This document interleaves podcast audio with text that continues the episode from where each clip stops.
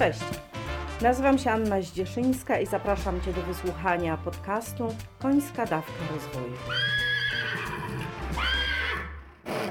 Podcast ten jest o rozwoju i dla osób, które chcą się rozwijać, a konie są bohaterami historii i tłem do pytań, które mogą Ciebie zainspirować do pracy nad sobą.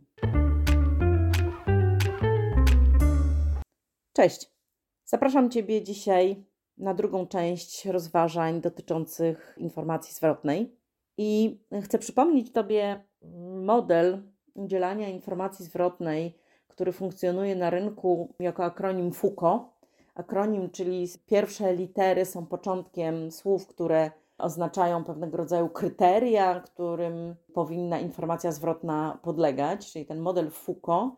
I pierwsze litery to jest F jak fakty, u jak uczucia albo ustosunkowanie się, Twoje ustosunkowanie się do tego, co się wydarzyło. K jak konsekwencje dla sprawy, która się wydarza, czyli coś, co jest istotne dla Ciebie. I O jak oczekiwania, tutaj wyrażane w formie prośby. I o tym modelu będę opowiadać w konwencji, czy w myśl idei porozumienia bez przemocy, która jest mi bardzo bliska której uczę się cały czas, którą praktykuję cały czas i chciałabym osiągnąć mistrzostwo, żeby udzielać informacji zwrotnej tylko i wyłącznie w myśl porozumienia bez przemocy i właśnie w modelu, w modelu Foucault.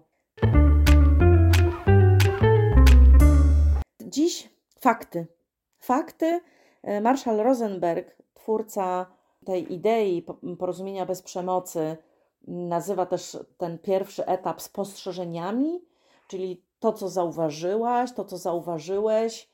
Też możesz powiedzieć, że moim zdaniem, tak, czy to jest Twoja opinia, ale jeśli jest powiedziana faktycznie w Twoim imieniu, albo faktycznie przedstawiasz fakty. O, faktycznie przedstawiasz fakty, ale mi się też tutaj y, gra słów uruchomiła.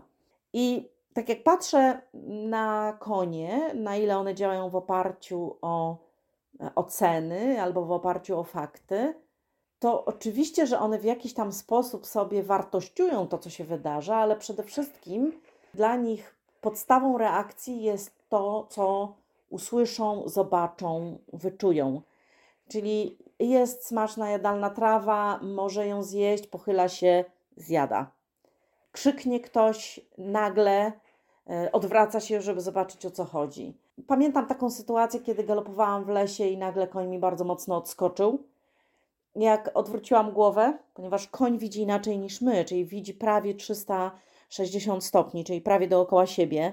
W związku z tym ja patrzyłam przed siebie, koń też zobaczył to, co jest z boku i odskoczył. No i ja, jak odwróciłam głowę, to zobaczyłam, że tam leży lodówka.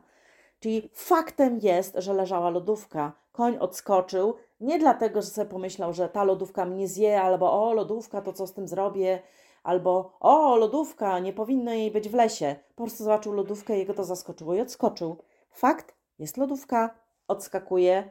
Pewnie jakaś tam ocena, bo nie wiem co to jest. Pewnie coś tam w mózgu konia się dzieje. Natomiast faktem było to, że była lodówka. Jakby leżało zwalone drzewo, pewnie by nie odskoczył, bo to byłby totalnie inny fakt i inaczej by ten fakt ocenił.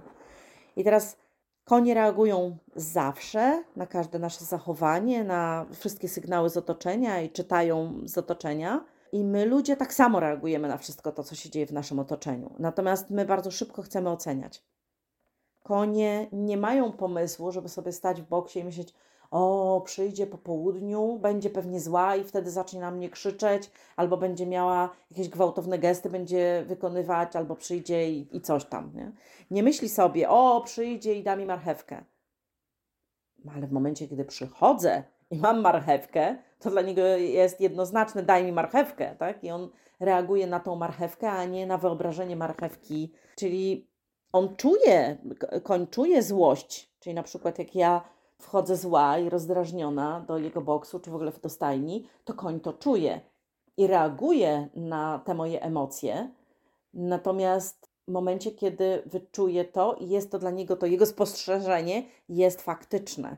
Tak? Że faktycznie się dzieje, a nie, że on sobie wyobraził, że a pewnie dzisiaj poniedziałek to przyjdzie rozdrażniona. I moja definicja faktów którą uwielbiam podawać uczestnikom e, szkoleń, warsztatów rozwojowych i mam nadzieję, że Tobie też się spodoba, to jest definicja, że fakt to jest wszystko to, co nagrałaby kamera z włączoną wizją i fonią. I fakty dzieją się w przeszłości i w teraźniejszości. Czyli albo włącz sobie kamerę i patrz, co nagrywa, i odnoś się do tego, co faktycznie nagrywa kamera, albo wyświetl sobie tę, e, tę taśmę, którą nagrała, i zobacz, jakie były fakty. Czyli nie, że się drze, jak rozdarte prześcieradło, nie, że jest głupia, tylko kamera na przykład nagrałaby pewną głośność, która się podnosi, różnicę w tonie, nagrałaby, nie zamknęłam, nie zrobiłam czegoś, nie? Głupio się zachowałam, nie zamknęłam, czyli kamera by nagrała, że nie zamknęłam drzwi na klucz na przykład, a nie, że jestem głupia. Ja mogę ocenić, że głupio się zachowałam, ale to już jest ocena. Czyli to, co widzę, to, co słyszę, to będzie faktem, jeszcze jak odpowiednio to nazwę, a nie, że wykombinuję, dam interpretację i mówię, że to jest fakt. Oczywiście mam prawo interpretować, mam prawo oceniać, natomiast zachęcam do tego, żeby mówić o faktach jako faktach, a opiniach jako opiniach i rozdzielać te dwie rzeczy. Mam pytania dla Ciebie. Czy jaki jest Twój sposób na rozróżnianie faktów od opinii? Co Ci może dać udzielenie feedbacku, jeśli udzielisz go prawidłowo? I co sobie postanawiasz? Co Ci może dać znajomość modelu prawidłowego udzielania feedbacku i skupienia się na rozpoczęcia udzielania informacji zwrotnej od faktów? Jakie jest Twoje postanowienie, jeśli chodzi o fakty? Dzięki za dziś. Pozdrawiam. Cześć.